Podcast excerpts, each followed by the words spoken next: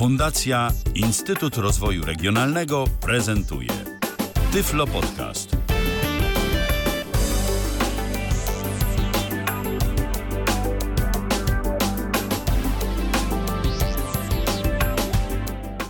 Dobry wieczór Państwu. Y, Aleksandra Bochusz. Y, Po raz pierwszy dzisiaj, także taki mój debiut. Y, Troszkę tremy jest, nie ukrywam, ale tak sobie myślę, że po drugiej stronie jest sporo osób znanych i przyjaznych, także mam nadzieję, że wszystko pójdzie dobrze. Y, Zaczynamy cykl takich naszych tematów y, społecznych, o różnych fundacjach i różnych sprawach ważnych dla osób niewidomych z punktu widzenia społecznego, edukacyjnego.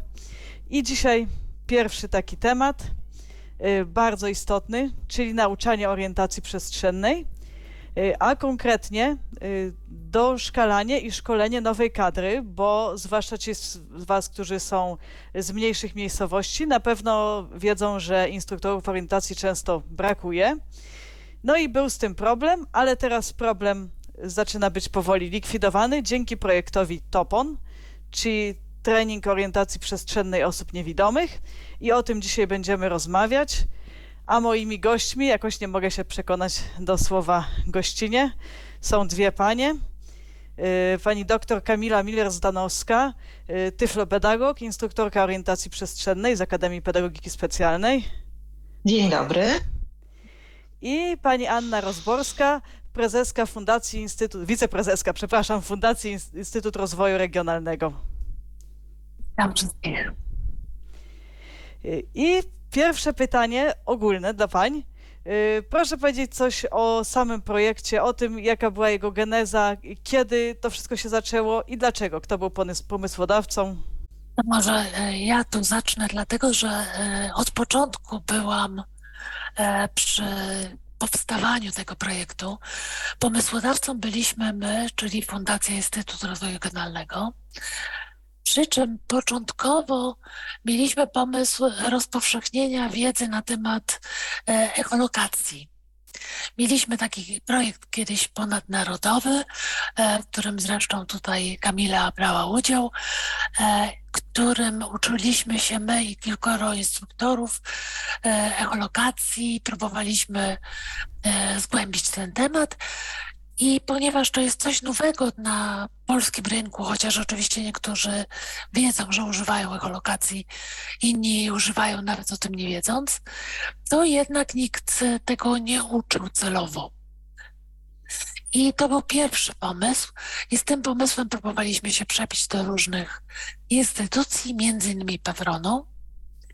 I wreszcie y, okazało się, że gdzieś tam spotkało się to z zainteresowaniem i po wielu, wielu rozmowach e, okazało się, że możemy spróbować razem zdobyć e, fundusze na ten pro, na projekt, który będzie dotyczył tego, e, ale nie tylko samej echolokacji, ale po zaproszeniu kilku partnerów doszliśmy wszyscy do wniosku, że to będzie szerszy projekt, dotyczyć będzie orientacji przestrzennej, e, ale wtedy jeszcze nawet nie mówiliśmy o szkoleniu nowych instruktorów, raczej myśleliśmy tylko i wyłącznie o doszkolaniu e, tych, którzy już pracują, gdzieś tam są porozrzucani po Polsce.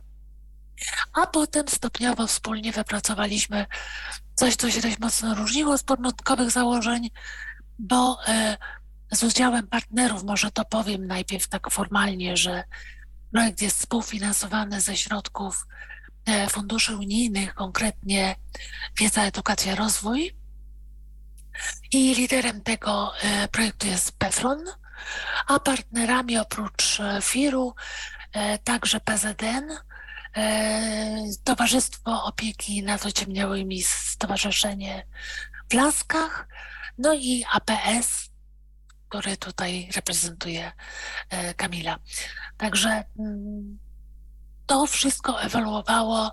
Szukaliśmy e, sposobu na to, żeby w jednym projekcie e, jakby załatwić kilka spraw. Nie wiem, czy Kamila coś uzupełnisz.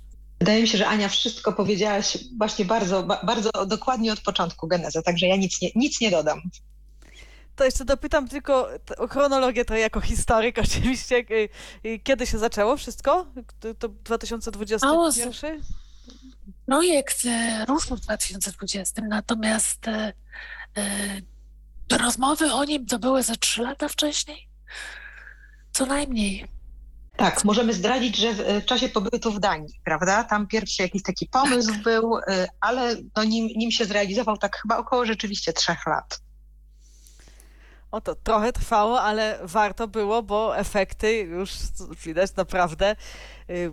I kiedy zaczęło, zaczęły się właściwie szkolenia, a przede wszystkim kto mógł brać udział w tych szkoleniach? Najpierw jeżeli chodzi o doszkalanie instruktorów, czy były jakieś kryteria na przykład wiekowe, y, czy tego ile kto lat jest w zawodzie, czy każdy instruktor, każdy kto jest formalnie instruktorem orientacji przestrzennej mógł się zgłosić?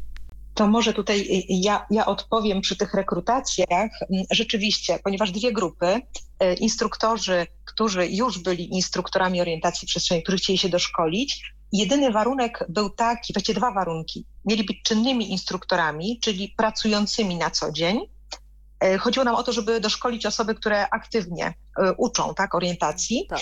I oczywiście było kryterium wieku to był wiek emerytalny, tak? Jakby zamykał nam tą taką klamrą, że, że już osoby, które były na emeryturze nie mogły brać udziału, udziału w, w projekcie, ale chodziło nam głównie o to właśnie, żeby te doszkolone osoby jeszcze chociaż kilka lat miały szansę pouczyć orientacji, wykorzystać tę nową wiedzę. To jeżeli chodzi o osoby doszkalane, natomiast ta grupa nowych instruktorów Warunek był studia wyższe i tutaj po raz pierwszy wprowadziliśmy taką zasadę, że nieważne jakie studia, to mogę z takich ciekawostek powiedzieć, że mamy jedną panią, która jest na przykład farmaceutką, e, albo mamy pana, który jest byłym wojskowym. E, czyli jakby każdy, kto ma studia wyższe, czyli na poziomie licencjackim bądź magisterskim, e, no i tutaj musieli oczywiście warunki takie zdrowotne spełniać. A, jeszcze ważnym kryterium było miejsce zamieszkania tych osób, a później praca. Czyli chodziło nam o to, żeby z każdego województwa była reprezentacja tych potencjalnych nowych instruktorów bądź tych, którzy już e, pracują, żebyśmy doszkolili jak największą ilość osób z jak największego terenu, tak? A pod kątem płci jakoś rozkładałeś to, że zawsze jest więcej pań, to wiadomo. Czy były jakieś preferencje dla panów instruktorów? Były zapisane, jeżeli były, bo to była cała e, proces kwalifikacji był taki dość e, intensywny i e, w momencie, kiedy mieliśmy osoby, które zdobyły tą samą liczbę punktów, to preferencje były dla panów tym razem. Aha, jak, jak wyglądał nabór, jakie, ilu było chętnych, mniej więcej oczywiście, czy było więcej chętnych na doszkalanie, czy na, szkole, na szkolenie nowych instruktorów? Y, czy trudno było wybrać spośród tych osób te, które ostatecznie się zakwalifikowały? Proces rekrutacyjny przerósł nasze y, wszelkie spodziewane ilości osób, bo jeżeli chodzi o to szkolenie dla nowych instruktorów, miejsc mieliśmy początkowo 12, a chętnych było 75 osób. E, więc to był bardzo trudny wybór. E, rekrutacja była kilkuetapowa, i była bardzo intensywna i bardzo wymagająca od nas. Tak? Z każdym się spotkaliśmy poprzez internet, e, z każdym rozmawialiśmy. Mm, tam ca całe takie były mm, wymyślone procedury tej rozmowy, żeby wszyscy byli jednakowo potraktowani. E, to jeżeli chodzi o nowe osoby, te, te które chciały być dopiero instruktorami, Natomiast o osoby, i tu było właśnie ich bardzo dużo, osoby doszkalane też, też zakładaliśmy około 100 osób, że doszkolimy, Zgłosiło się troszkę mniej. 86 chyba ostatecznie y, jest osób, ale też y, był krótki czas tej rekrutacji, na pewno jeżeli chodzi o doszkalania. Mm, no i też nie wszyscy instruktorzy, którzy pracują, wiedzieli w ogóle o takich doszkalaniach, bo przez wiele, wiele lat nie było doszkalań dla instruktorów orientacji przestrzennej. Mm, I, I, też myślimy, że nie każdy, może niektórzy już byli w wieku przedemerytalnym, więc też już nie chcieli za bardzo tych doszkalań. Także na pewno tutaj troszkę mniej było w tych doszkalaniach osób. Znaczy też może jeszcze uzupełnię, że trudno było też dotrzeć e, z informacją o doszkalaniach e, do tych osób, bo e, to środowisko jest dość mocno porozrzucane, tak? Jeżeli pracują osoby w jakimś ośrodku szkolno-wychowawczym, no to się znają, tak? E, czy pracują, nie wiem, w PZN, w PZN czy w jakiejś konkretnej fundacji, z którą jakiś kontakt mieliśmy, bo próbowaliśmy przez różne organizacje, no to ta osoba e, dotarła do tej informacji. Ale są też tacy, którzy gdzieś tam bardzo luźno współpracują i, i nikt nie pomyślał nawet, żeby dać im informację, bo potem jeszcze na takie osoby trafiały. Wiem też, że wśród tych osób nowo, y, wśród instruktorów nowo wyszkolonych jest osoba y, słabowidząca. I skąd w ogóle taki pomysł? Bo ja wiem, że to od lat jest jakiś tam temat dyskutowany. Wiem też, że jest nawet jeden instruktor słabowidzący na Śląsku, który wyszkolił się chyba w Stanach. Y, I też wiem, że są różne głosy, zwłaszcza w środowisku niewidomych i słabowidzących na ten temat. Jedni mówią, no, że tak, że to fajny pomysł, inni mówią, że beznadziejny, no bo przecież taki instruktor, no jak on może uczyć nowych tras, kiedy on sam ich nie zna i sam będzie się musiał ich uczyć. I skąd w ogóle taki pomysł i czy już macie jakąś taką informację zwrotną, czy to się będzie sprawdzało, czy to jeszcze jest za wcześnie? Taką ocenę. Pewnie za wcześnie, bo pani jest dopiero w trakcie praktyk. Zresztą mam nadzieję, że uda się panią Iwonę tu zaprosić na najbliższy wtorek. Generalnie pomysł był taki, właśnie wiemy, że jest jedna szkoła w Stanach. W Stanach jest wiele, wiele szkół, e, które szkolą instruktorów orientacji przestrzennej. Jest jedna taka szkoła, która właśnie mm, szkoli osoby niewidome bądź słabowidzące, aby one potem szkoliły kolejne osoby. I w Polsce jakby nie znamy tych metod szkolenia. E, chcieliśmy w takich bezpiecznych warunkach e, sprawdzić, tak, czy jesteśmy w stanie wyszkolić taką osobę, na ile jest ona w stanie ten kurs e, przez nas zaplanowany przejść. I rzeczywiście też zgłosiło nam się kilkoro chętnych, nawet chyba kilkanaścioro chętnych. I, na i, i był taki problem, tak, właśnie, właśnie nie pamiętam ile. Kilkoro, kilkoro, siedem czy sześć osób kilkoro właśnie osób. I y, na, na początku te osoby przechodziły dodatkowy taki mm, test z zakresu orientacji przestrzennej, ponieważ żeby być dobrym instruktorem w tym przypadku uznaliśmy, że no muszą same być dosyć dobrze zrehabilitowane, tak, świetnie się poruszać, mieć dobrą orientację.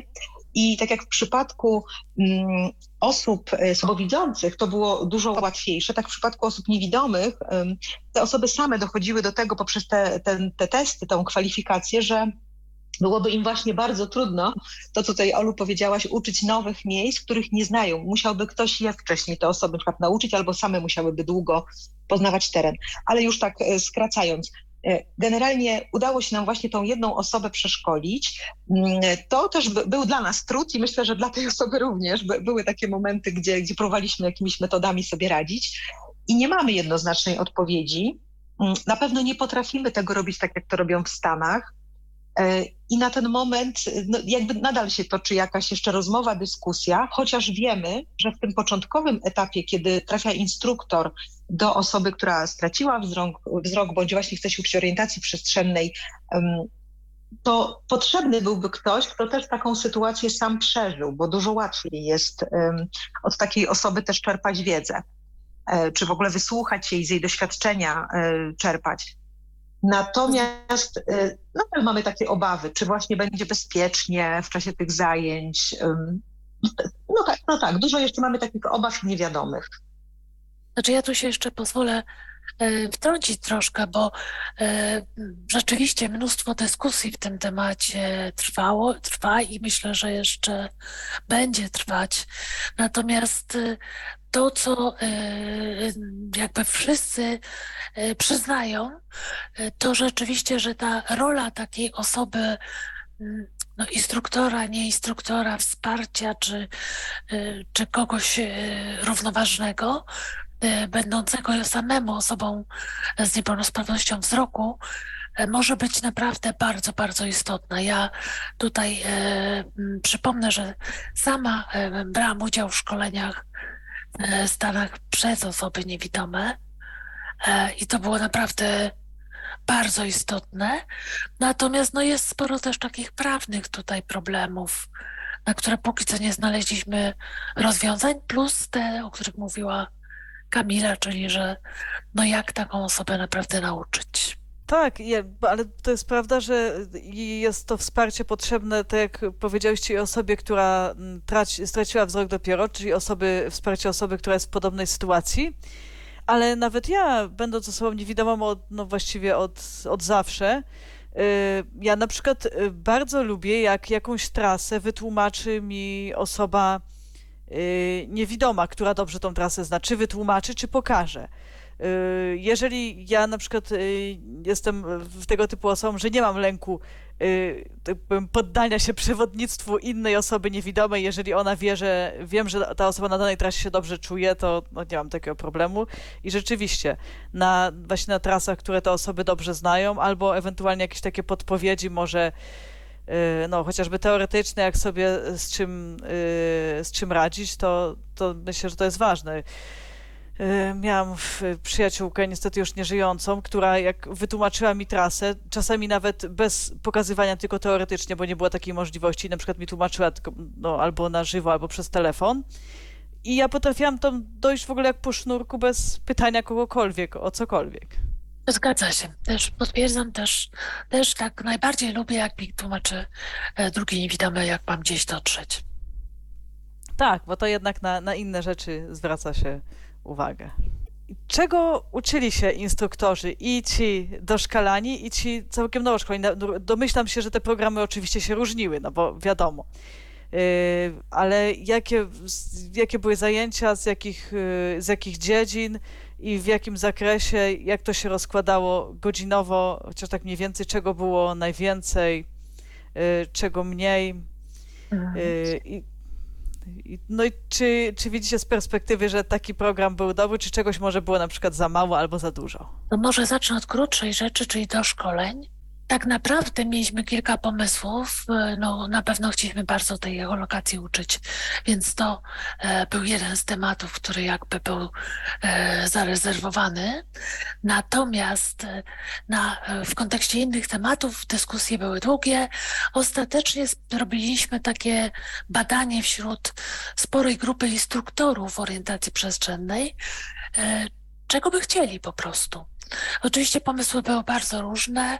E, po pogrupowaniu i jakby wyciągnięciu tego, co najczęściej się pojawiało, e, zrobiliśmy cztery takie główne tematy. Jeden z nich to właśnie echolokacja, drugi nowoczesne technologie w poruszaniu się, mobilności, trzeci to małe dzieci, praca z małymi dziećmi, E, w orientacji przestrzennej. I czwarty temat e, to praca e, instruktora orientacji przestrzennej z osobami z, ze sprzężonymi niepełnosprawnościami, czyli z jakimiś dodatkowymi problemami. Także takie cztery tematy dostali wszyscy uczestnicy. Dla jednych to były rzeczy, niektóre były całkiem nowe, dla innych byli bardziej zaawansowani w niektórych tematach, część osób innych mniej. No, dość trudne to było, ale może o trudnościach później.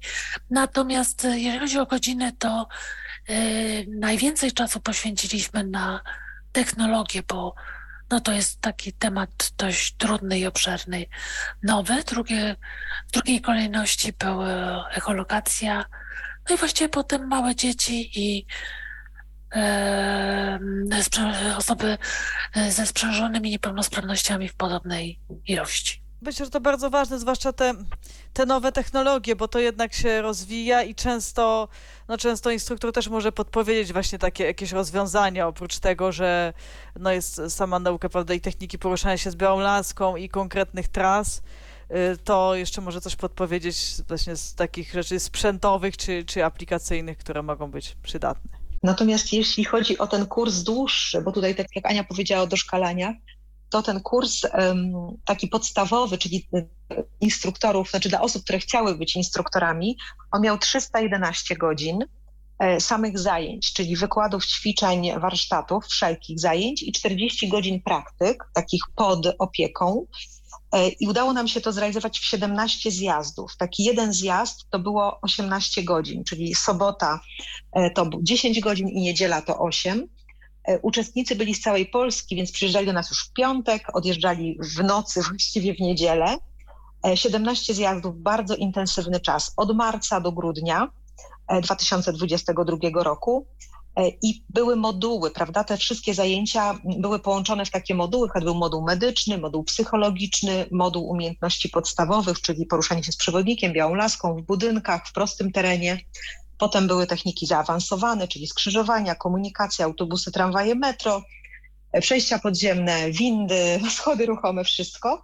A później w module rozszerzonym daliśmy też poruszanie się z psami przewodnikami, małe dzieci, dorośli, sprzężenia, pomoce dydaktyczne, bardzo dużo takich dodatkowych rzeczy, właśnie echolokacja, tak aby ten nowy instruktor nie musiał się tak szybko doszkalać. Czyli on dostał to, co tamci Państwo mieli w doszkalaniu, on to, on to dostał już na dzień dobry, że tak powiem. E, I później te intensywne praktyki. E, to, ten program, który tutaj zaoferowaliśmy tym osobom, to nie było tak, że myśmy go zupełnie teraz wymyślili, ale wszystkie organizacje kiedyś prowadziły takie szkolenia. E, no APS ma takie naj, największe doświadczenie w prowadzeniu tego typu jakby takich długich szkoleń, ale czy Polski Związek Niewidomych, właśnie czy, czy inne organizacje, e, więc tak naprawdę usiedliśmy, zobaczyliśmy jak to może funkcjonować i przetestowaliśmy ten program. I dziś już z perspektywy czasu wiemy, że jest programem dość dobrym, aczkolwiek wymaga jeszcze na przykład uzupełnienia o czynności życia codziennego, jakieś takie drobne modyfikacje. Dzisiaj już możemy powiedzieć, że nawet zrobiliśmy już, poprawiliśmy troszkę ten program. E, tylko jeszcze powiem dwa zdania o praktykach. Praktyki 40 godzin u instruktorów, którzy już pracują od lat, czyli takie pod nadzorem. Ci Państwo mogli je obserwować i troszkę prowadzić. I dopiero później, po skończeniu tego całego e, modułu kształceniowego, zaczęli pracę z osobami niewidomymi bądź słabowidzącymi w wymiarze 200, 200 godzin. Więc dosyć intensywnie to wszystko wyglądało. Ja jeszcze może dopowiem, że e, jeżeli chodzi o szkolenia, to tutaj e, w sumie to było 60 godzin, więc no sporo, ale też były to e, w formie kilku zjazdów, czterech konkretnie weekendowych, więc też sporo czasu intensywnie. Ludzie, y, osoby były z całej Polski, więc y, no, było to sporym wysiłkiem dla uczestników niektórych także. E, natomiast y, tak naprawdę widzimy teraz, że takie doszkalania powinny y, być, jakby jeden z tych tematów mógłby być cały poświęcony, jakby całe doszkalenie poświęcone jednemu z tych tematów, natomiast robione to intensywnie, bo y, Problem polega na tym chociażby w nowoczesnych technologiach, że e, osoby, które, e, instruktorzy, którzy byli, uczestniczyli, mieli różny poziom znajomości w ogóle technologii. Nie każdy na co dzień korzysta e, z takich rzeczy jak Google Maps czy inne Street Maps, inne tego typu aplikacje dla tych osób tak naprawdę trzeba by było zrobić zupełnie inne szkolenie, trochę od podstaw, tak, żeby w ogóle wiedziały o co chodzi, bo sama teoria dla nich nie wnie, niewiele wniesie. No a tutaj musieliśmy to jakoś uśrednić, więc tego typu problemy. Plus e, to jeszcze tu potwierdzi pewnie Kamila. Tak naprawdę my musieliśmy dostarczyć y, pewnych materiałów uczestnikom, bo oczekiwali materiałów, a tych materiałów nie ma. Tak naprawdę w języku polskim jest bardzo niewiele materiałów takich do szkoleń dla instruktorów i te, te materiały były przygotowywane w projekcie. Także tutaj intensywna praca koleżanek, e, które prowadziły te szkolenia i na jednych i na drugich kursach, żeby przygotować materiały, przygotować tematy, a dla nas wszystkich chyba największym wyzwaniem było też znalezienie właściwych wykładowców do tematów, które e, no, są bardzo poszukiwane, typu prowadzenie orientacji przestrzennej dla osób z dodatkowymi niepełnosprawnościami.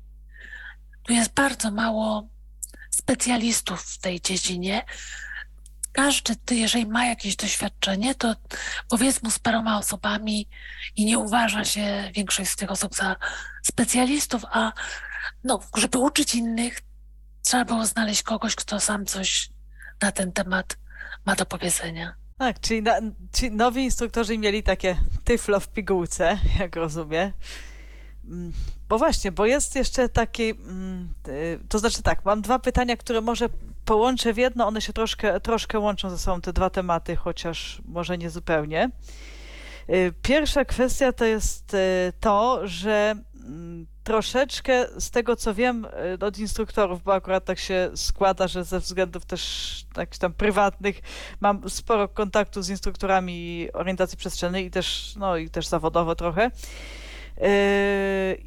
Zresztą też korzystałam z, z praktyk tych toponowych, ale to jeszcze, jeszcze powiem później, sobie pozwolę na małą prywatę. Ale chodzi o to, że podobno nastąpiła taka trochę rewolucja, to znaczy ja nie wiem, czy dla wszystkich to była rewolucja, natomiast część instruktorów to była wręcz, no ja nie chcę powiedzieć oburzona, nie chcę takiego może grubych, grubego słowa używać, ale miała takie dziwne poczucie, że no okej, okay, my już 30 lat uczymy w jakiś sposób, a teraz jest to wywrócone do góry nogami. Y, byli oczywiście też tacy, którzy mówili, że super, że super, że się uczą tych wszystkich nowych rzeczy i że jakieś są zmiany, natomiast część mówiła, że to jest wielka dla nich rewolucja. Y, tak, to jest może, to jest jedna część mojego pytania, a druga część, no pośrednio się łącząca z tą pierwszą, y, to jest taka, że też właśnie słyszałam takie głosy wśród instruktorów, że no dobrze, będą nowi instruktorzy, oni się teraz szkolą, ale jak to jest? My mamy skończone tyflo, my mamy y, tam 20-30 lat doświadczenia i teraz ktoś, kto był, no, odwołam się do tego przykładu, który wy podałyście, kto był, nie wiem, do tej pory farmaceutą i skończył tylko kurs szkolący dla instruktorów i on będzie miał takie same uprawnienia i takie same możliwości pracy jako instruktor jak ja, czyli jako ten, y, no, instruktor w cudzysłowie stary. Y, czy, czy do was w ogóle docierają takie głosy? No i, i co wy na to, jako, jako osoby właśnie koordynujące projekt? Tak, do, do, docierają do nas i powiem tak jak, tak, jak dla instruktorów, których szkoliliśmy, to było wywrócenie ich świata często do góry nogami, to nam z kolei projekt, może tak powiem nieładnie, obnażył, pokazał nam um, właśnie jak było potrzebne to szkolenie. Ponieważ y, szkolenia były prowadzone prawda, i 20 lat temu, i 30, i 15, i 10, i one bardzo różne są szkolenia w Polsce. E, począwszy od bardzo długich kursów prowadzonych głównie przez Polski Związek Niewidomych, ten tutaj na Konwiktorskiej, zarząd główny, kursy, które też miały około 250 godzin, po kursy na przykład, to akurat mogę powiedzieć, bo, bo wiem, w Lublinie 120 godzin, czy w Chorzowie tam ileś godzin, prawda, czy, czy w Bydgoszczy kiedyś. I ci instruktorzy z całej Polski teraz, kiedy przyjechali, my próbowałyśmy ujednolicić mm, pewne metody i zasady. A ponieważ szkolimy na APS-ie od 82 roku nieprzerwanie tak naprawdę, czyli mamy bardzo dużą już taką e, i wiedzę, i umiejętności w tym zakresie, i bardzo aktualizujemy też tą wiedzę. Więc ten, ten kurs, czy dla nowych, czy doszkolanych, był już według nowych, jakby aktualnych bardzo metod. I nauczanie orientacji no, zmieniło się bardzo. Polsce. Kiedyś uczono tylko uczniów ostatnich klas, dzisiaj się już uczy od przedszkola dzieci, prawda, wręcz we wczesnym wspomaganiu rozwoju. Także na pewno wywróciliśmy ich życie do góry nogami i nasze również, bo ci, którzy szkolili, zobaczyli, jak w różnych miejscach w Polsce mm, ta orientacja jest bardzo różnie e, też realizowana, ale nie ze względu, że są źli instruktorzy, absolutnie nie, tylko dlatego, że nie ma na przykład innych możliwości w tych konkretnych miejscach jest mniejsza ilość godzin na osobę, tak, przyznawana na przykład, albo od projektu do projektu. E, ale rzeczywiście e, był to taki duży szok.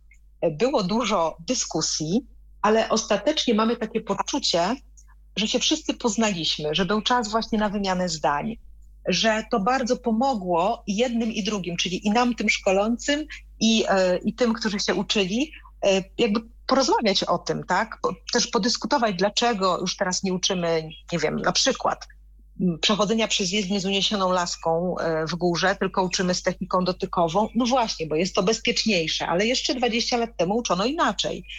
I to był bardzo dobry czas, bardzo trudny, psychicznie wykańczający wszystkich, to mogę powiedzieć, e, ale uważam, że to bardzo dobrze tak się zadziało, bo, bo wreszcie wiemy o sobie więcej, otwarci są ci instruktorzy, także też chylimy czoła przed tymi, którzy się jakby zderzyli z tym, że uczyli inaczej, ale chcieli podjąć taką mini refleksję, że ale spróbuję, zobaczę, może rzeczywiście to jest skuteczniejsze. Także bardzo dobry czas. I druga część, może Ania, ty, ty, ty, ty spróbujesz odpowiedzieć tak. na tą drugą. Mhm. To znaczy, może zacznę od tego, że jeszcze ty jakby to, co już powiedziała właściwie Kamila, że do tej pory uprawnienia instruktora nie mieli tylko e, tyflopedagodzy e, i też nie wszyscy, żeby było jasne, bo ktoś, kto ma ogólną wiedzę z tyflopedagogii, ma miał, nie wiem, 30 godzin e, zajęć na temat orientacji przestrzennej z jakąś drobną praktyką, no to też trudno go porównać z kimś, kto miał 300 czy 250 godzin. E, I te kursy też były różne i przez różne podmioty organizowane. E, generalnie nie było do tej pory żadnego ujednolicenia tego wymagań wobec instruktora orientacji przestrzennej. E, co miało no, taki skutek, że wiadomo, bardzo różni są instruktorzy. Natomiast Problem jest też taki, że ci instruktorzy e, no, różne mieli możliwości pracy, bo chociażby w ośrodkach powiedzmy szkolno-wychowawczych, gdzie pracowa, pracowały i pracują różne osoby, jest zupełnie inna sytuacja, a inna jest takich tak zwanych wolnych strzelców, którzy są zatrudniani przez organizacje, które robią to, co mogą, tylko i wyłącznie teraz w ramach pieniędzy, które zdobędą, tak, czyli projektów, co nie jest dobre oczywiście. Więc y, no, z tą pracą jest trudno. E, I jeżeli chodzi o to, że instruktor inaczej, tak samo jest traktowany ten nowy, tak, po, po farmacji czy po innych, już przyczepiliśmy się tej farmaceuty, e, który wcześniej też y, był instruktorem, to ten wcześniej instruktor też nie zawsze był pod tyflo, tak? To też Hmm. Były osoby, które były po różnych innych kierunkach, na przykład skończyły kurs e, w Bydgoszczy gdzieś tam 20 lat temu. Także y, tu różnicy dużej nie ma tak naprawdę w wielu wypadkach. Natomiast to zawsze tak jest, że ci, którzy kończyli jakiś kierunek 20 lat temu, mają trochę inną wiedzę, potem owszem mają doświadczenie, ale jeżeli nie uczą się na bieżąco, no to troszkę gdzieś tam mają braki w pewnych dziedzinach. Oczywiście ci nowi z kolei mają wiedzę bardziej aktualną, no ale brakuje im doświadczenia, więc powinniśmy się spotkać gdzieś po środku, tak? Ci młodzi muszą uzyskać doświadczenie i też w projekcie staraliśmy się to zapewnić, bo każdy, który kończył e, szkolenie e, to, to dla nowych instruktorów, to oprócz tych 40 godzin praktyk, teraz pracują te osoby i mają co najmniej 200 godzin przepracować z różnymi osobami niewidomymi słabowidzącymi i to już są płatne godziny, tak, że, że oni nie muszą już jako wolontariusze tyle godzin e, odpracowywać. E, I tak samo te osoby, które przechodziły to szkalanie, też mają po te 200 godzin. Więc i, i tu już może jakby rozszerzając ten temat troszkę, to dodatkowo zapewniliśmy w tym projekcie coś, co uważamy jest bardzo potrzebne, szczególnie tym nowym instruktorom, czyli możliwość superwizji, czyli że mogą poprosić kogoś z doświadczonych instruktorów, e, z trenerów, którzy, którzy prowadzili z nimi zajęcia, o zobaczenie tego, jak oni prowadzą zajęcia, co powinni poprawić. Mogą e, skonsultować jakieś trudne sytuacje czy problemy, które nie czują się pewnie, nie wiedzą, co zrobić. Także mają takie jakby możliwości takiego mentoringu, tak? I, I to uważamy, że jest bardzo przydatne i póki co chyba dostajemy naprawdę dobre zwroty, jeżeli chodzi o takie możliwości. Tak, i jeszcze, jeszcze jedna rzecz mi teraz tak przyszła do głowy, że byliśmy w takiej zupełnie nowej sytuacji, rekrutując te nowe osoby, ponieważ nigdy nie było tak, że było więcej chętnych do szkoleń niż miejsc.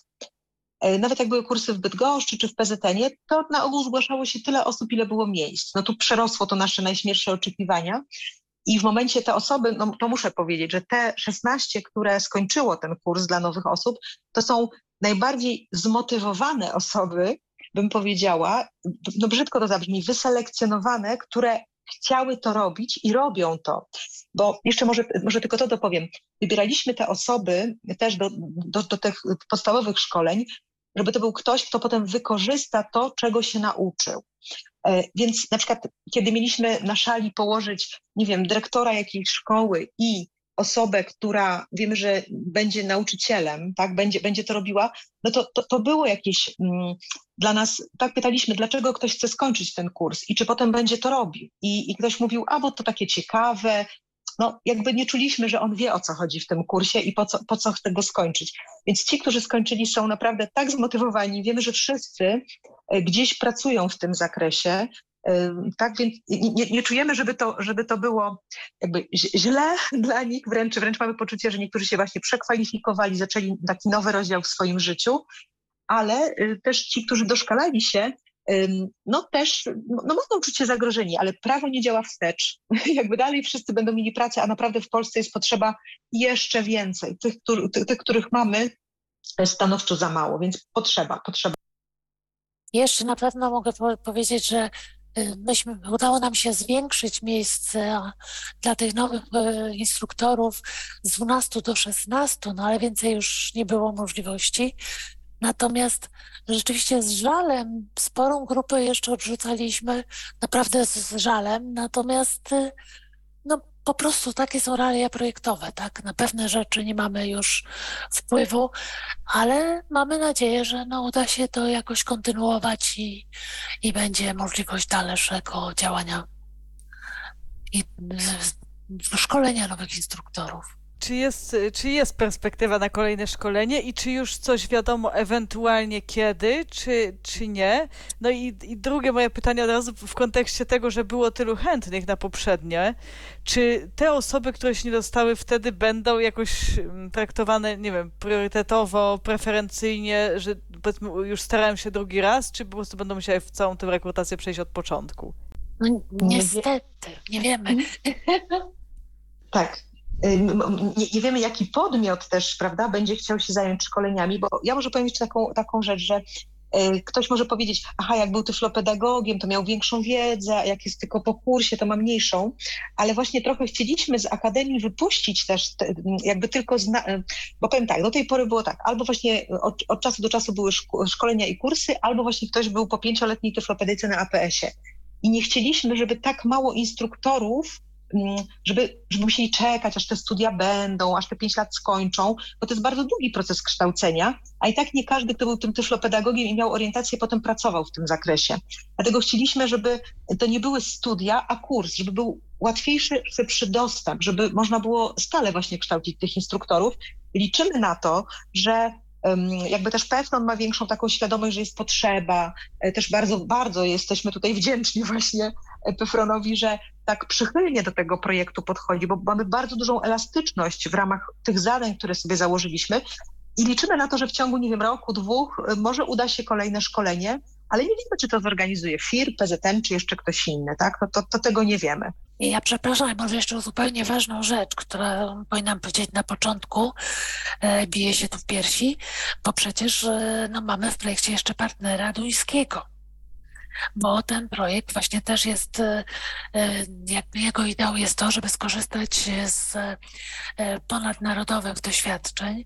I tu w kontekście tego, co powiedziała Kamila, to też patrzyliśmy na to, że na przykład w Danii IBOS, czyli to jest Instytut dla Niewidomych w Danii, oni organizują e, szkolenia dla instruktorów orientacji przestrzennej i dla innych specjalistów w formie kursów.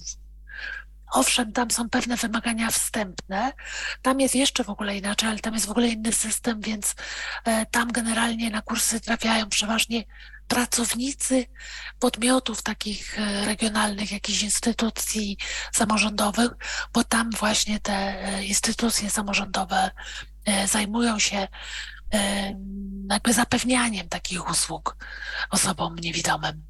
Więc system jest zupełnie inny, natomiast e, jakby to było jeden z powodów, oczywiście wielu, dla których to też przyjęło taką formę kursu i oczywiście APS może to prowadzić również jako e, element e, studiów, na przykład podyplomowych, tak, czy, czy, czy innego typu e, szkoleń. Natomiast no, jest to coś, co wypracowaliśmy i może to właściwie zrobić każdy, jeżeli przyjmie tutaj odpowiednie e, no, kryteria, bo tu dalej może za chwilę powiemy jeszcze no, o ważnej bardzo rzeczy, czyli standardach. E, natomiast e, jakby to, wracając do pytania jeszcze tego, czy te osoby, które kandydowały, będą inaczej traktowane, no to chociażby to, że jeżeli ktoś inny będzie projekt organizował i w ramach tego projektu będzie robił szkolenia, czy tak, taki kurs, no to będzie miał swoje kryteria. Nie możemy narzucać tego, że ktoś się zgłaszał i u nas miał akurat tyle punktów, e, żeby teraz przyjął go w innym projekcie. No nie ma takiej możliwości. Jasne. To ja Chyba, że my będziemy to robić. Mhm. No tak, to wtedy można pomyśleć nad tym. To ja zapytam e, troszkę tak, może obok projektu, ale też w kontekście tego, co, co tutaj e, obie mówiłyście. E, Bo nurtuje mnie to już od pewnego czasu, a właściwie nawet nie tyle mnie, co pewną moją znajomą, która bardzo chce zostać instruktorem orientacji. E, I ona w ogóle jest tyflopedagogiem, natomiast jest no niestety tylko po studiach podyplomowych. I jak to wygląda tak od strony formalnej? Bo ty już, Kamila, po- powiedziałaś, że nie, nie każdy tyflopedagog e, może być instruktorem. Jak to, jakby co decyduje, e, kto jest zatrudniony? jako- Jeżeli sobie, jeżeli ktoś kończy, no ja nie mówię o podyplomowych, no bo podyplomowe, no to wiadomo, że to jest, no to jest nic, można tak powiedzieć. Ale jeżeli ktoś kończy, nie wiem, pięcioletnie tyflo, czy choć, choćby trzyletnie, licencjackie i, i chciałby potem pracować jako instruktor, od czego to zależy? Od jakiejś liczby godzin praktyk na Tak. studiach, które on odbył? Czy... Tak, to znaczy na, na, nawet nie praktyk. W programie studiów musi być cały blok przedmiotów em, z za, zakresu orientacji. No i to też chcę powiedzieć, żeby to też wybrzmiało. Są różne uczelnie, bo do tej pory to głównie się na uczelniach działo, prawda, tyflopedagogika i pięcioletnia i trzyletnia, gdzie była tyflopedagogika i na przykład tam była nauka Braille'a em, i takie nauczanie w klasach 1-3. I to dużo uczelni różnych w Polsce dawało, miało nazwę tyflopedagogika. My jesteśmy jedyną, Ak- Ak- Akademia Pedagogiki Specjalnej jest jedyną uczelnią, która w ramach tyflopedagogiki pięcioletniej, która do tej pory była i już z powrotem wróciła, dajemy Braille'a, nauczanie w klasach 1-3, orientację przestrzenną i rehabilitację wzroku. Ale możemy to dać dlatego, że mamy zwiększoną pulę godzin, czyli powiedzmy jak standardowo tam jest jakaś, teraz nie mówię prawdy w, w zakresie godzin, powiedzmy nie wiem, na tyflopedagogikę jest 700 godzin, to my u nas na uczelni mamy przez panią rektor zwiększone do na przykład 1200 godzin. Dzięki temu możemy te inne rzeczy zrealizować. Ale jak ktoś wybiera sobie studia, które się nazywają tyflopedagogika, to musi właśnie patrzeć na tę ilość godzin, bo jeśli miał tylko 30 godzin orientacji, to tak naprawdę no, wie, co to jest orientacja, jakieś podstawowe techniki zna. A żeby znać metodykę nauczania, to tak 200 to jest minimum, bym powiedziała, żeby, y, no i odpowiednie przedmioty muszą być. I były takie roczniki u nas też, które nie miały orientacji albo nie miały rehabilitacji wzroku, bo musieliśmy wybrać, bo uczelnia nie mogła nam pozwolić na taką dużą ilość godzin. Tak, ale to ta ilość godzin suplement, bo zawsze do dyplomu jest suplement i wykaz przedmiotów i tym się powinien pracodawca kierować właśnie.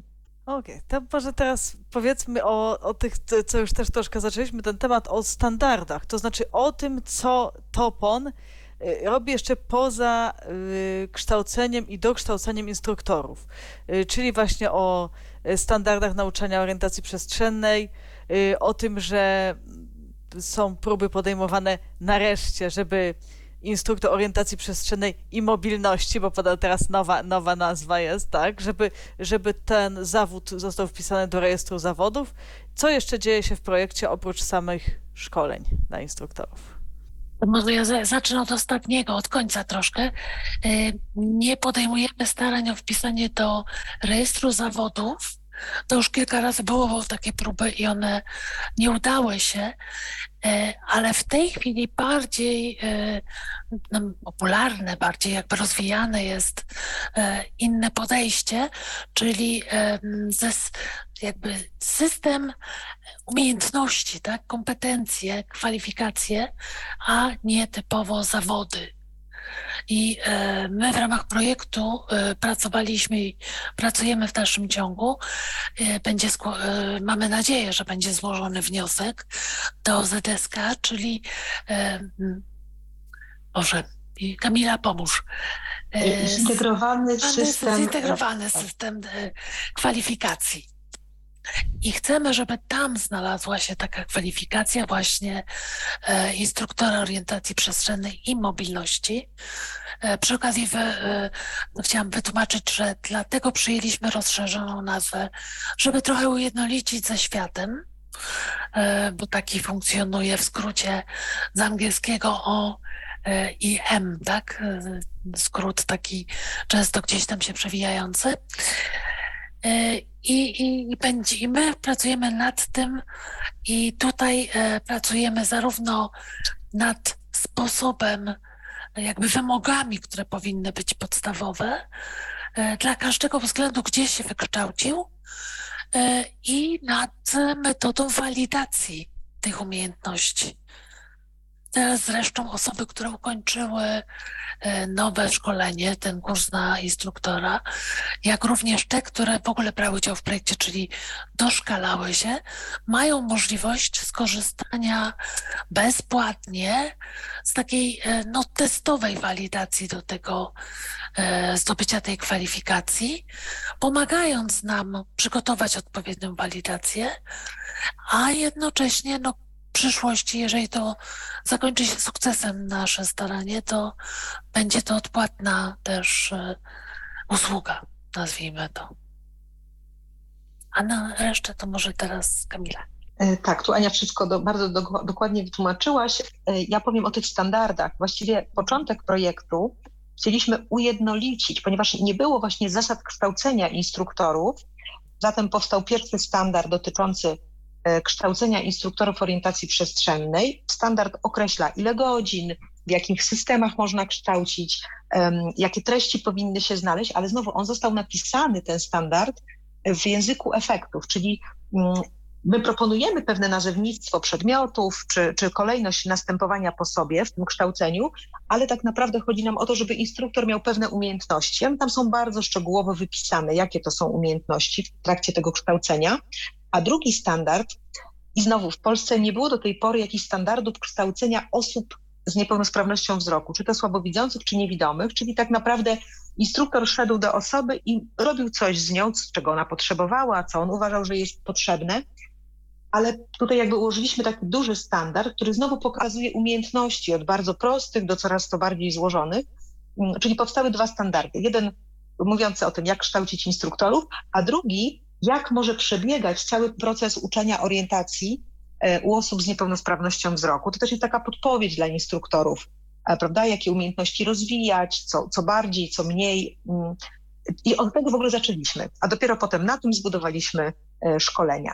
Teraz po przeprowadzeniu tych szkoleń jeszcze pracujemy ponownie, bo nazbierało się trochę uwag i pracujemy nad tym, żeby to poprawić, tak? Bo pewne tam rzeczy wyszły nieco do jakichś takich generalnych może założeń, ale jednak troszkę zmian wprowadziliśmy, bo się coś gorzej sprawdziło, albo wyszło, że czegoś jest za mało, czegoś za dużo i, i staramy się to jak najlepiej e, poprawić.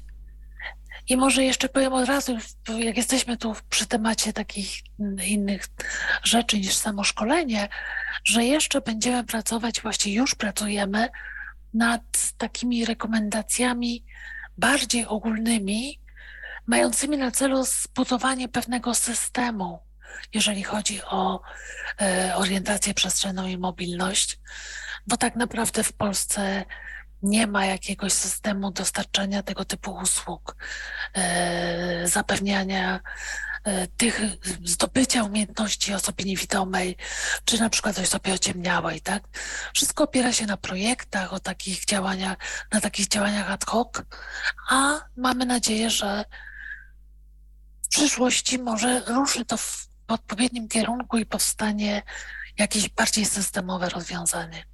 I co potem się stanie z tymi standardami? Czy one gdzieś będą, nie wiem, opublikowane? Będzie jakaś mm, y, procedura, żeby one zostały wdrożone? Czy to po prostu... Mamy Mamy, znaczy one są w pierwszej wersji już są dawno opublikowane na stronie Pefronu jest to do nich otwarty dostęp. Zresztą nawet dostawaliśmy różne uwagi e, tak od osób po prostu, które znalazły na stronie te, te standardy i one będą oczywiście ponownie opublikowane, a to na co jakby no mamy e, obietnicę, zapewnienie powiedziałabym nawet, e, że te standardy będą przyjęte w Pefronie. Co jest dość, uważamy, e, ważną kwestią, bo no, Pefron jednak jest jedną z instytucji finansujących wiele działań rehabilitacyjnych, więc przyjęcie tych standardów przez PEFRON i wymaganie takich standardów chyba jest e, no, jedną z kluczowych rzeczy. Tak, chyba większość jest finansowana prze, przez PEFRON, także... Tak, tak. I, I ja jeszcze tylko powiem, że każdy z partnerów też się zobowiązał, na przykład tak jak my, Akademia, że też te standardy jakby wdrożymy w naszych studiach, tak? Czy, czy jak organizując jakiekolwiek mm, szkolenia, będziemy jakby tych standardów przestrzegać. No tak, i wszyscy partnerzy także, więc tak, tak. Na tak. piśmie. No, to zobowiązanie na piśmie jest to już poważna sprawa. A czy myślicie jeszcze o jakiś, no bo tak Ani mówiłaś, że jest, e, to jest na stronie Pefronu, ja też zresztą czytałam te standardy, przynajmniej część, częściowo tam się przez nie przebiłam.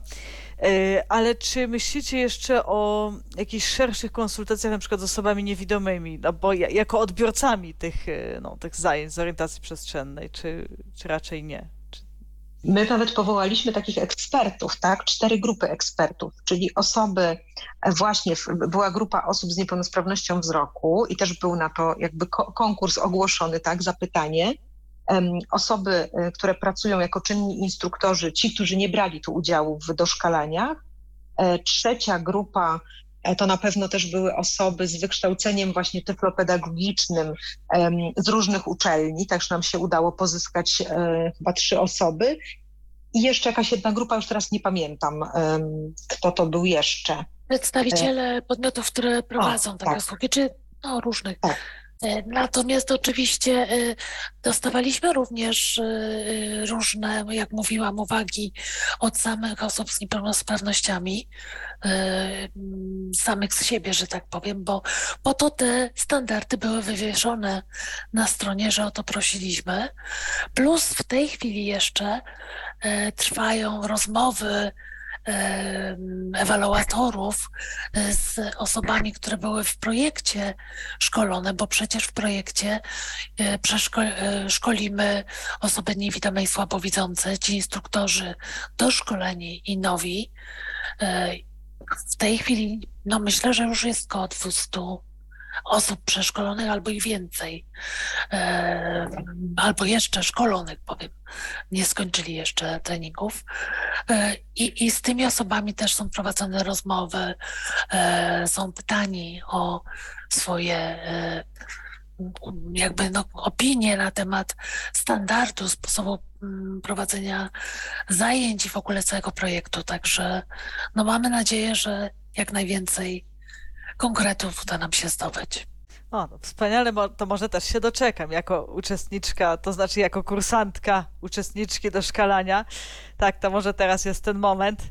Yy, pozwolę sobie na mały wtręt prywatny, ponieważ miałam przyjemność się szkolić u instruktorki, która korzystała z, z doszkalania i chciałam podziękować na mojej wspaniałe, podziękowania dla mojej wspaniałej instruktorki Moniki, na naprawdę profesjonalne szkolenie i mimo to, że miałam już wiele w swoim życiu szkoleń z orientacji przestrzennej, to naprawdę nauczyłam się y, dużo nowego, y, Mówiłam już konkretne trasy, no bo to jest wiadomo zawsze też ważne, zwłaszcza, że jestem niedawno po przeprowadzce, ale na przykład wreszcie ktoś pokazał mi, to znaczy właśnie Monika pokazała mi, jak y, czytać porządnie mapy dotykowe i plany, także naprawdę to jest duża wartość. To moje osobiste podziękowanie dla Moniki. Nie wiem, czy słucha, ale mam nadzieję, że będzie miała możliwość dotarcia do nagrania. Także pozdrowienia dla najlepszej instruktorki mojej. Cieszymy się bardzo. Tak, no i podziękowania oczywiście też dla Topony, twórców projektu, bo to też Dzięki Toponowi. Tak, tak. jest. Y, na jakim etapie teraz jest projekt? Czy właśnie, czy dużo osób zaliczyło już praktyki, większość, mniejszość, czy jakieś problemy są z tym związane i kiedy się zbliżamy ku końcowi? Z tego, co kojarzę, to chyba gdzieś koło listopada i czym się zakończy projekt, tak? No bo jakiś musi być taki pewnie element kończący. Mamy teraz tak, już był etap e, standardów, teraz poprawiamy standardy, był etap szkoleń, tak, już się zakończyły. Teraz właśnie instruktorzy realizują te 200 godzin. Tak naprawdę do, um, znaczy nie instruktorzy, tak naprawdę osoby prawda, z niepełnosprawnością wzroku korzystają z tych treningów do września. Do 30 września mogą korzystać z tych treningów um, i jakby będzie takie podsumowanie. Wtedy też zakończy się walidacja i, i wszystkie inne procedury, które były przewidziane w projekcie. I chyba w październiku będzie takie mm, seminarium, które upowszechni troszkę efekty projektu, pokażemy właśnie te standardy, będziemy je omawiać, y, będziemy też jakby tym instytucjom, które będą zainteresowane o tych standardach mówić. Mm, ale jakby głównym takim założeniem już tej trzeciej części, czyli już kiedy instruktor docierał do konkretnej osoby, e, nasze takie podstawowe założenie to było dotrzeć do osoby w jej miejscu zamieszkania. Właśnie tym się różni TOPON od innych projektów do tej pory, że instruktor jechał do miejsca zamieszkania osoby. Nie zawsze nam się to udawało ze względu na po pierwsze niewielką ilość instruktorów, jak na olbrzymi obszar naszego kraju. E, po drugie też takie techniczne rzeczy, prawda? Nie zawsze instruktor, to była, nie zawsze to była jego pierwsza praca, często popołudniami dopiero pracował jako instruktor, wcześniej wykonywał inną pracę, nie zawsze ze względów logistycznych mogło się to zadziać ale właśnie taki efekt bardzo nas cieszący to to, że osoby z niepełnosprawnością wzroku mówią, że wreszcie na przykład miały w swoim mieście szkolenie, nie musiały jechać do innego miasta, żeby się tego uczyć, tylko na miejscu, u siebie, tam gdzie codziennie się poruszają.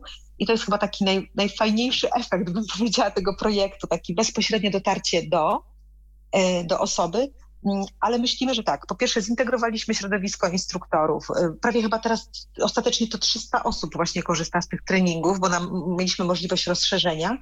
E, właśnie mamy nowych instruktorów, mamy doszkolonych instruktorów, którzy chcą się szkolić, już nam zaproponowali, z czego to oni by się znowu chcieli doszkalać. Mm, więc to chyba będzie taki proces ciągły, mamy taką nadzieję. E, Aniu, dodaj, dodaj jeszcze, co tam masz w, w, głowie, bo jeszcze na pewno coś, coś e, um, mi umknęło.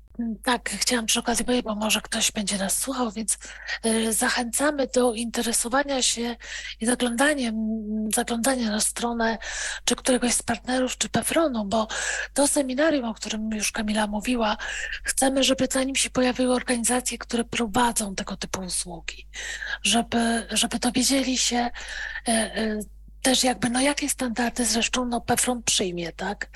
E, co, o co tu, tu chodzi i żeby to nie było dla nich coś e, nowego, zaskakującego, bo tu nie ma jakiegoś wielkiego e, odkrycia Ameryki. To jest po prostu zebrane doświadczenie wielu wielu osób, wielu instruktorów, e, ich pracy, tak, e, i, i wiedzy takiej, no powiedzmy naukowej też, badawczej i tak dalej. Także e, tu już zachęcamy do śledzenia, bo jeszcze niestety nie mamy konkretnej daty, żeby się ją podzielić, ale prawdopodobnie będzie to gdzieś koniec października, może połowa listopada, bo jakby to do końca listopada trwa projekt.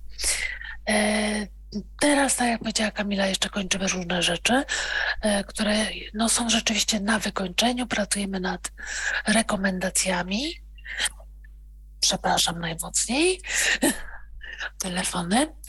E, I to, co już jeszcze chcieliśmy powiedzieć, to, że mamy nadzieję, że uda nam się przy, w taki czy inny sposób projektowy czy pozaprojektowy no, utrzymać taką sieć E, kontaktów tych instruktorów, tak, że e, to, co widzimy jako ogromną potrzebę, to właśnie możliwość wymiany doświadczeń, możliwość skonsultowania się wzajemnie w trudnych przypadkach, bo, no bo różne są osoby, e, różne są potrzeby, więc to, to jest taka wartość dodana, którą mamy nadzieję, że uda nam się kontynuować Y, bez względu na to, czy, czy, czy zdobędziemy takie czy inne fundusze na ten cel. Powiedzieliście tutaj dużo i o zaletach i trochę o, też o trudnościach, ale jeszcze może tak na koniec, y, bo Topon to w ogóle była taka praca na żywym organizmie tak naprawdę cały czas, bo to się cały czaz działo, cały czas coś ewolu ewoluowało, cały czas były jakieś zmiany, okazywało się, że coś trzeba dopracować, przepracować i takie, nie wiem, może po jednym, dwa zdania podsumowania od każdej z was. Yy, co waszym zdaniem tak najbardziej się udało? Co jest taką największą wartością dodaną do tego projektu? A co wiecie, że już może nie wyszło, czy może będzie na przyszłość trzeba to zmienić? To znaczy właściwie y, z tym, żeby zmienić, to, to nie wiem, czy bym coś zmieniła, tak szczerze powiedziawszy. No, oprócz jakichś takich no, drobiazgów bardzo organizacyjnych, bo przede wszystkim ten projekt y, był o tyle, y, tak potocznie powiem, fajny, że dano nam sporo możliwości zmiany, jeżeli widzieliśmy taką potrzebę. Jeżeli się okazało, że nasi instruktorzy potrzebują właśnie chociażby jeszcze przepracowania e, pewnych rzeczy, technik, na przykład ujednolicenia, tak? Bo się okazało, że różne osoby po różnych kursach pewnych rzeczy uczą inaczej i że warto by było, żeby pokazać im, jak najnowsze e, metody e, no, sugerują, żeby coś robić. I to okazało się, że możemy tam z jakichś oszczędności zrobić dodatkowe doszkalanie. Czy pojawił się jakiś problem? Robiliśmy też dodatkowe szkolenia online. No tutaj też w tym projekcie zebrała się grupa, e, spora grupa pasjonatów, którzy nie ukrywam, nieraz do późnych godzin nocnych pracowali nad różnymi tematami, po to, żeby no, zrobić to, co tylko możemy jak najlepiej. Ja tylko dodam właśnie ten efekt, już o którym Ania powiedziała, to zintegrowanie środowiska, ponieważ instruktor orientacji często pracuje sam. E, podam tutaj przykład, nie wiem, Szczecina, tak, czy, czy innych miast, które są, no właśnie, tam są instruktorzy, jeden, dwóch, ale oni pracują głównie sami, właśnie nie mają z kim konsultować, często nie mają od kogo się uczyć, albo po prostu, albo nawet kogoś uczyć. Mm, chodzi mi o innych instruktorów. I właśnie projekt nam umożliwił tą integrację środowiska, e, taką właśnie sieć kontaktów, ale też takiego, mm, no, no, muszę to powiedzieć, miałam nie mówić, ale ostatecznie powiem. Zawsze było tak, że e, właśnie APS czy Warszawa były postrzegane jako takie, oj, to są te panie, co zadają tyle pytań, ta orientacja to w ogóle takie nie wiadomo co, one, one tak bardzo do tego przykładają wagę. Nie byłyśmy lubiane w środowisku, co ja tu mam dużo mówić, tak? Ten APS był taki owiany jakimś nie wiem czym, ale właśnie zburzyłyśmy te mury, pokazałyśmy, że jesteśmy bardzo normalnymi instruktorami, też nam zależy na tym procesie uczenia. E, i pokazałyśmy, że można uczyć tak i rozumiemy, w, ka w każdym mieście można inaczej uczyć, ale żebyśmy my e, głównie chcemy działać dla dobra osób z niepełnosprawnością wzroku, właśnie, że jeżeli ta osoba uczy się w Warszawie, a potem uczy się w Krakowie albo w Bydgoszczy, to żeby dostała ten sam tę samą jakość usług, prawda? Żeby nie było tak, że aha, tam ta pani mnie uczyła tak, a tam mnie uczy jak, to już w końcu jak jest dobrze, albo, albo kto mnie uczył źle. I, I to nam się udało. Tak, tak myślę, że to znaczy taki mały kamyczek do tego, żeby tak było. Więc zburzyłyśmy chyba mury po prostu, tak? Ci, którzy pracowali przy projekcie, nie ma tak, że wszyscy się bardzo, bardzo lubimy, wszyscy, wszystkich, ale przynajmniej możemy podyskutować, porozmawiać i jest chęć spotkania. To, to tak słyszymy, e, pytają już kiedy, kiedy jakieś spotkanie. Za rok jest 45 lat orientacji przestrzennej w Polsce, bo pierwsze szkolenie w 1979, profesor Stalnej Suterko. Planujemy coś, jeszcze nie mogę do końca zdradzić co, Mm, ale y, może się uda e, cyklicznie coś organizować co roku, tak? Więc y, no to ta, taka wartość bardzo, bardzo dodana. Jeszcze podręcznik, tak? Też gdzieś planujemy y, materiały takie napisane, bo są bardzo potrzebne, tak? Trochę tłumaczonych, troszkę napisanych. No to efekt projektu. Wcześniej takiego pomysłu, może pomysł był, ale nie było takiej chęci do pracy, dzisiaj już ona jest. To ja jeszcze może, bo tu mi się przypomniało, e, w kontekście tego, co nam nie wyszło, to jest taka dość drobna rzecz może, ale e, trochę wiąże się z Twoim pytaniem wcześniej, że jak to, że będą traktowani doświadczeni instruktorzy tak samo jak teraz świeżo upieczeni, e, czy po studiach, czy po tym naszym kursie. Myśleliśmy mocno nad sposobem jakiegoś jakiejś ścieżki awansu, która by właśnie dawała e, jakieś inne trochę uprawnienia, inne, e, nie wiem, wynagrodzenie, czy, czy jakieś inne traktowanie e, osób, które są świeżo po zdobyciu uprawnień, osób, które mają ileś tam już doświadczenia, a na przykład jeszcze osób, które mają na tyle dużo doświadczenia i umiejętności też metodycznych e, do uczenia dydaktycznych, że mogą uczyć innych instruktorów.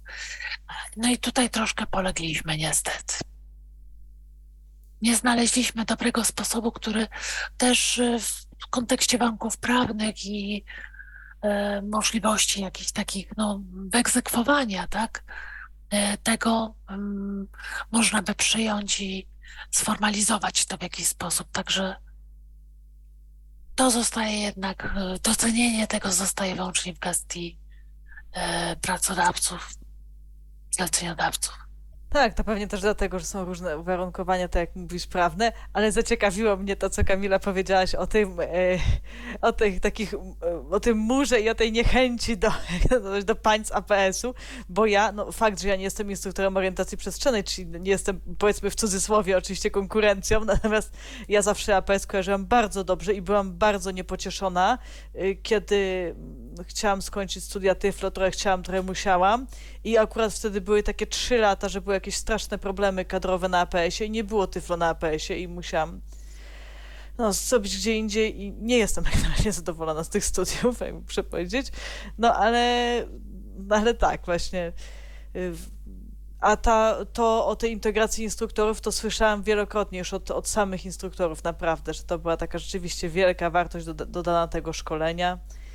No i oczywiście właśnie osoby niewidome, takie jak chociażby ja, no ja jestem w dużym mieście, ale są osoby niewidome właśnie w małych miejscowościach, które myślę, że na pewno dzięki y, praktykom instruktorskim mogły jeszcze wiele, wiele skorzystać.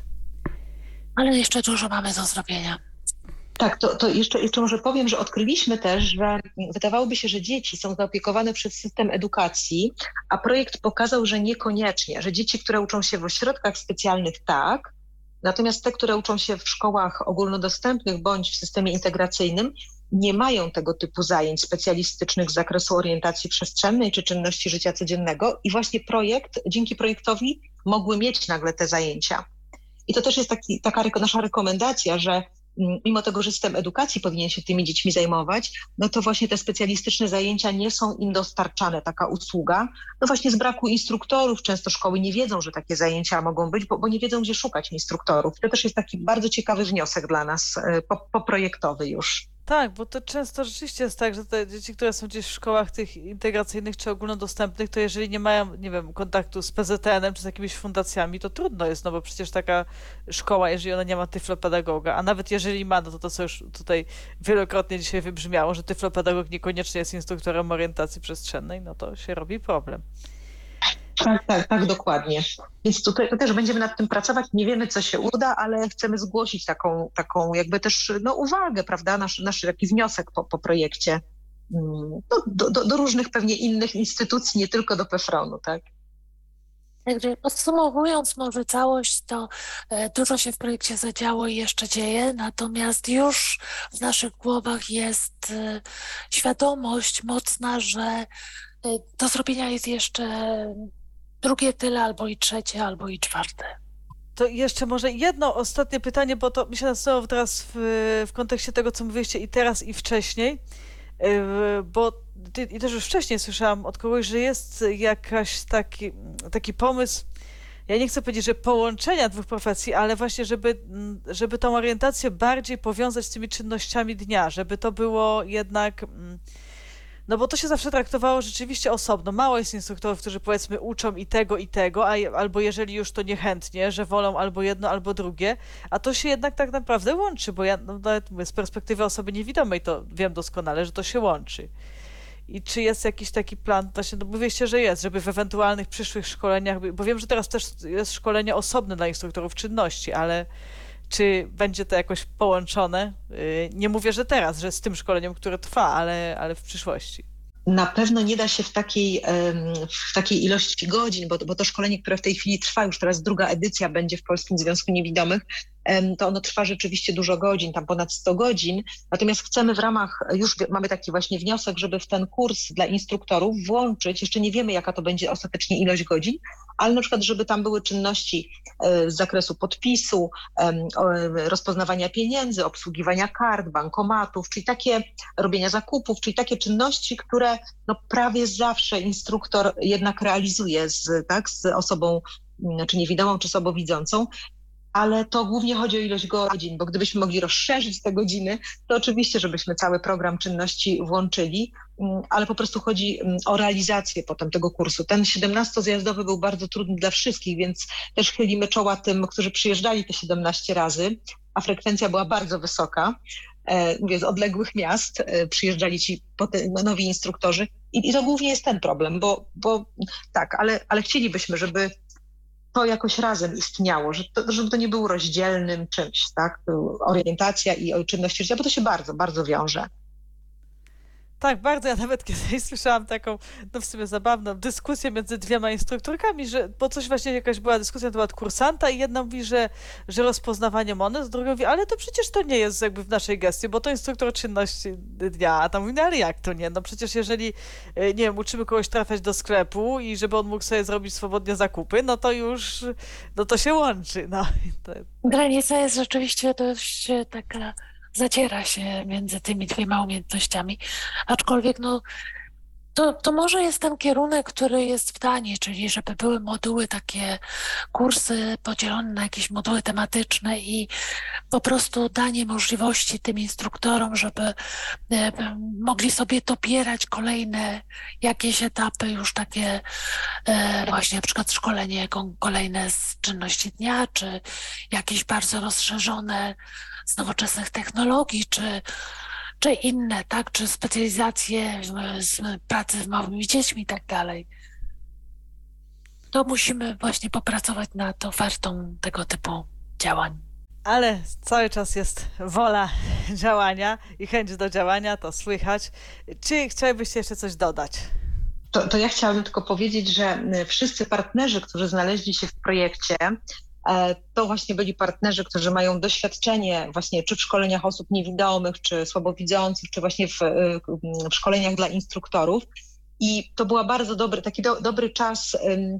Właśnie my, my, bardzo merytorycznie tam pracowaliśmy. Właśnie to chciałam powiedzieć, że to była naprawdę taka przyjemność w tej pracy, bo nikt tam nie znalazł przypadkowo, tylko to naprawdę najbardziej doświadczone instytucje w Polsce, które no jakby zrobiły coś razem, właśnie połączyły siły, bo, bo, myślę, że ani sam APS nie byłby w stanie tego zrobić, ani czy FIR, prawda, czy, czy Polski Związek Niewidomych, czy Laski.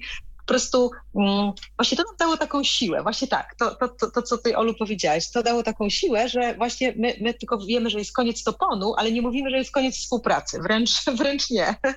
Mamy nadzieję, że nie. Tak, tak, tak, więc to tak, to, to tylko to chciałam dodać, że, że to był bardzo dobry czas. Aniu? Również. Potwierdzam, podpisuję się. I jeszcze jest, więc no mamy nadzieję, że dalej będzie coś w tym kierunku można zdziałać. Liczymy na to i pracujemy nad tym. To a propos, tak na koniec humorystycznie, a propos tego, co mówiliście, że to jest koniec toponu, ale nie koniec działań, to muszę powiedzieć, y, pracowałam w jednej z, z fundacji, no, która też tutaj pewnie będzie niedługo zaproszona. Yy, ci, którzy mnie znają, to pewnie wiedzą, i był, mieliśmy wniosek projektowy i nie wiem, osoba, która wypisywała, wypełniała ten wniosek, y, pod każdą formą wsparcia pisała, na przykład tam koniec, tam powiedzmy orientacji przestrzennej, koniec wsparcia wolontariuszy, a na końcu było napisane koniec wszystkiego. I to koniec wszystkiego, czyli tu nie będzie końca wszystkiego na szczęście, yy, będzie tylko Mam koniec toponu, tak, ale będzie kontynuowane, yy, kontynuowane będą działania. Bardzo dziękuję Wam za takie wyczerpujące opowiadanie. Yy, a we wtorek, ponieważ yy, będziemy się spotykać, yy, to znaczy ze, mną, tutaj z moimi gośćmi, może jeszcze przy jakiejś okazji też, ale będę, będę się z Wami spotykać we wtorki ze słuchaczami. Czwartek był teraz wyjątkowo, także we wtorek 4 lipca o 19 kontynuacja Toponu od strony kursantów. Y, czyli będzie jeden instruktor, który był doszkalany. Jeszcze nie zdradzam, bo jeszcze nie jest to pewne i jeden instruktor który- nowo wyszkolony, tak jak mówiłam, postaram się, żeby to była pani Iwona jako osoba słabowidząca. Jest wstępna zgoda, także myślę, że, że się dogadamy, a z, z instruktorów doszkalanych spróbujemy z, w ramach parytetu płci jakiegoś y, pana tutaj zaprosić. A dzisiaj dziękuję bardzo. Y, Pani doktor Kamila Miller-Zdanowska, Akademia Pedagogiki Specjalnej. I Bardzo dziękuję za zaproszenie. Dziękuję bardzo. I pani Anna Rozborska, wiceprezeska Fundacji Instytut Rozwoju Regionalnego. To trochę w sumie ja byłam twoim gościem, a nie ty moim. O nie, nie, to ja tu jestem gościem. To, że fundacja jest tu e, współorganizatorem, to nie zmienia faktu, że wy prowadzicie te pro, ten program i było mi miło móc opowiadać o projekcie. Super, bardzo dziękuję. Y, I wszystkim Piotrom i Pawłom życzymy wszystkiego najlepszego, bo to dzisiaj taki wyjątkowy dzień Piotrowo-Pawłowy i spokojnego wieczoru i dobrej nocy dla wszystkich. Y, Aleksandra Bochusz, kłaniam się. Był to Tyflo Podcast. Pierwszy polski podcast dla niewidomych i słabowidzących. Program współfinansowany ze środków Państwowego Funduszu Rehabilitacji Osób Niepełnosprawnych.